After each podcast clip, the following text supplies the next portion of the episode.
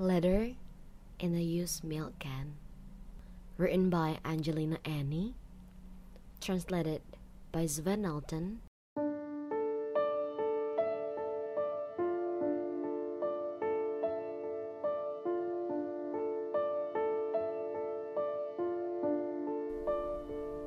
Hello. When you receive this letter, which I store in a used milk can, please hand it to the one it is intended for my mother. Of course, I know we shouldn't really throw used milk cans into the ocean. Maybe sometime later, you can come by my house. I wrote the address on the back of the can. So you can tell me that you handed the letter to my mother and that you dispose of the can in the proper place. Because according to Busalima, my teacher, waste tins will pollute the ocean and make fish sick.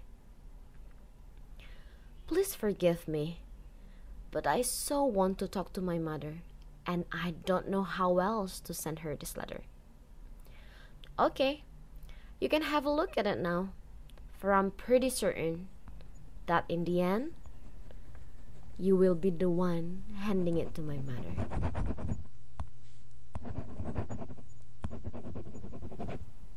Dearest mother, who I miss so dearly. Yesterday was my birthday. Since you went away, each birthday, grandfather tells me stories. Last year, grandfather told me about the wanderings of the famous king's son, the Bodhisattva Sutasoma. This year, he told me about the legendary bird god Garuda and how he helped his mother. One afternoon, after having spread the shrimp on the yard floor so they could dry in the sun, he called me.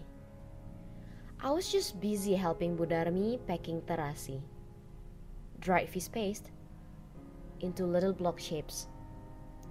Budarmi's terasi is selling like hot cakes. A week earlier, some city folk, clad in a brown colored uniform, came by and asked Budarmi about her terasi production. They didn't ask grandfather anything, but he didn't mind. Because all a fisherman needs to do is catch the right shrimps, not answer all these kind of questions. The city people gave Budarmi money to sell her terasi in the West. That is why she's making a lot of it now. And so am I, assisting her, shaping the terasi into small square blocks. I start right when I get home after school. Although it makes my fingers smell and the odor also stick to the blouse of my school uniform. So that tomorrow, at school, my classmate will be holding their noses and calling me names again. Fish best child! Being a fish based child, it's not so bad, I guess. Because there's no denying I smell of terasi. Mm, is there? what they're yelling is true. I'm even glad about their changing my nickname into Anak Terasi. Before that, they used to call me by another name, Orphan Child. That made me very sad because it isn't true. I have a mother. I shall prove to them that I do have a mother. So, Mother, after you have received this letter, please write a reply and send it back with the person who brought it to you. I have written our address on the back of the milk can.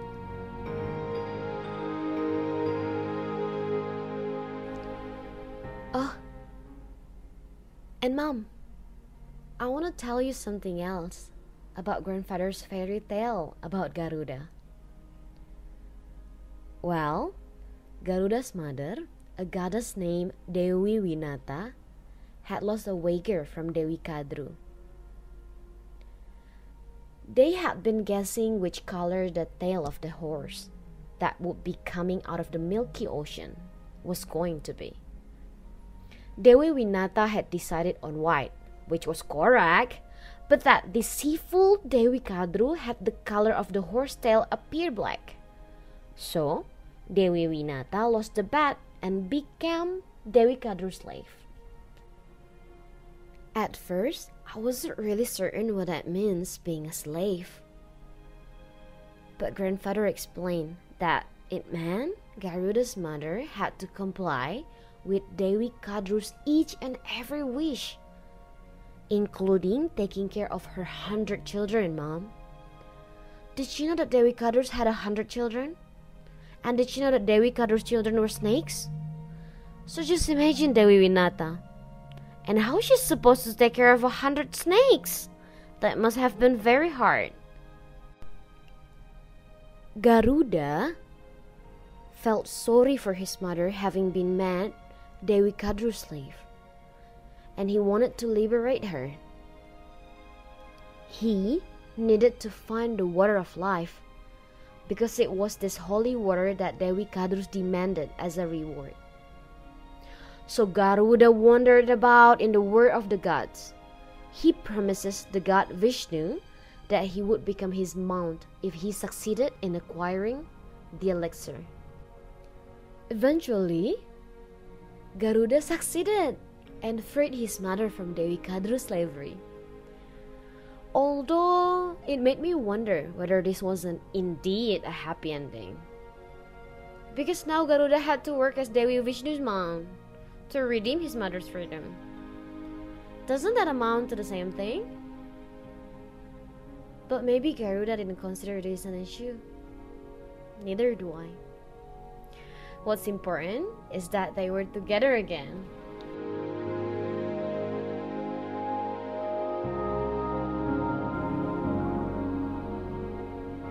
After grandfather had finished baking, I started thinking whether I could act just like Garuda in order to free you.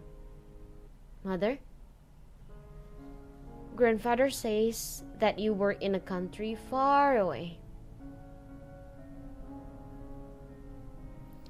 Do you have to work all the time too, just like Dewi Winata? So you are never able to take some time off and return home? I long for you, Mother. I long for the way you cradled me. I'm reminded of your voice, how you sang me this lullaby every night.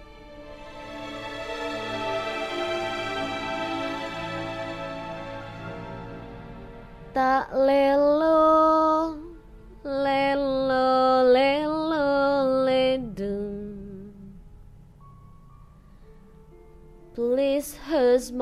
princess, dry your tears. Oh, my beautiful princess, if you cry, your beauty will perish.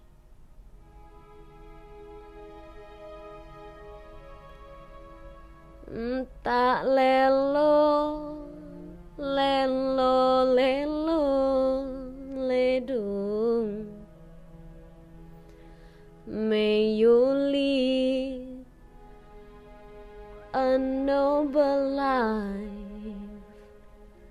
and become an important woman honoring the good name of your parents, becoming a champion of the people.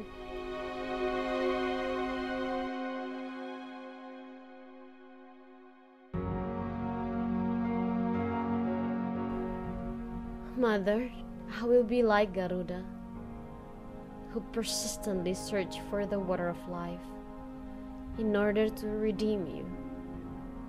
Although I do not know where may I find it, I will ask the people I meet. I will definitely find it. And hope you can afford the patience to wait until we shall meet again, until we are together again.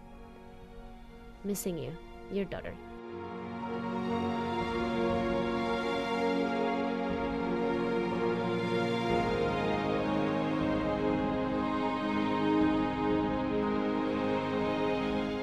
Sastra suara ini hasil kerjasama divalitera.org dan Tokopedia.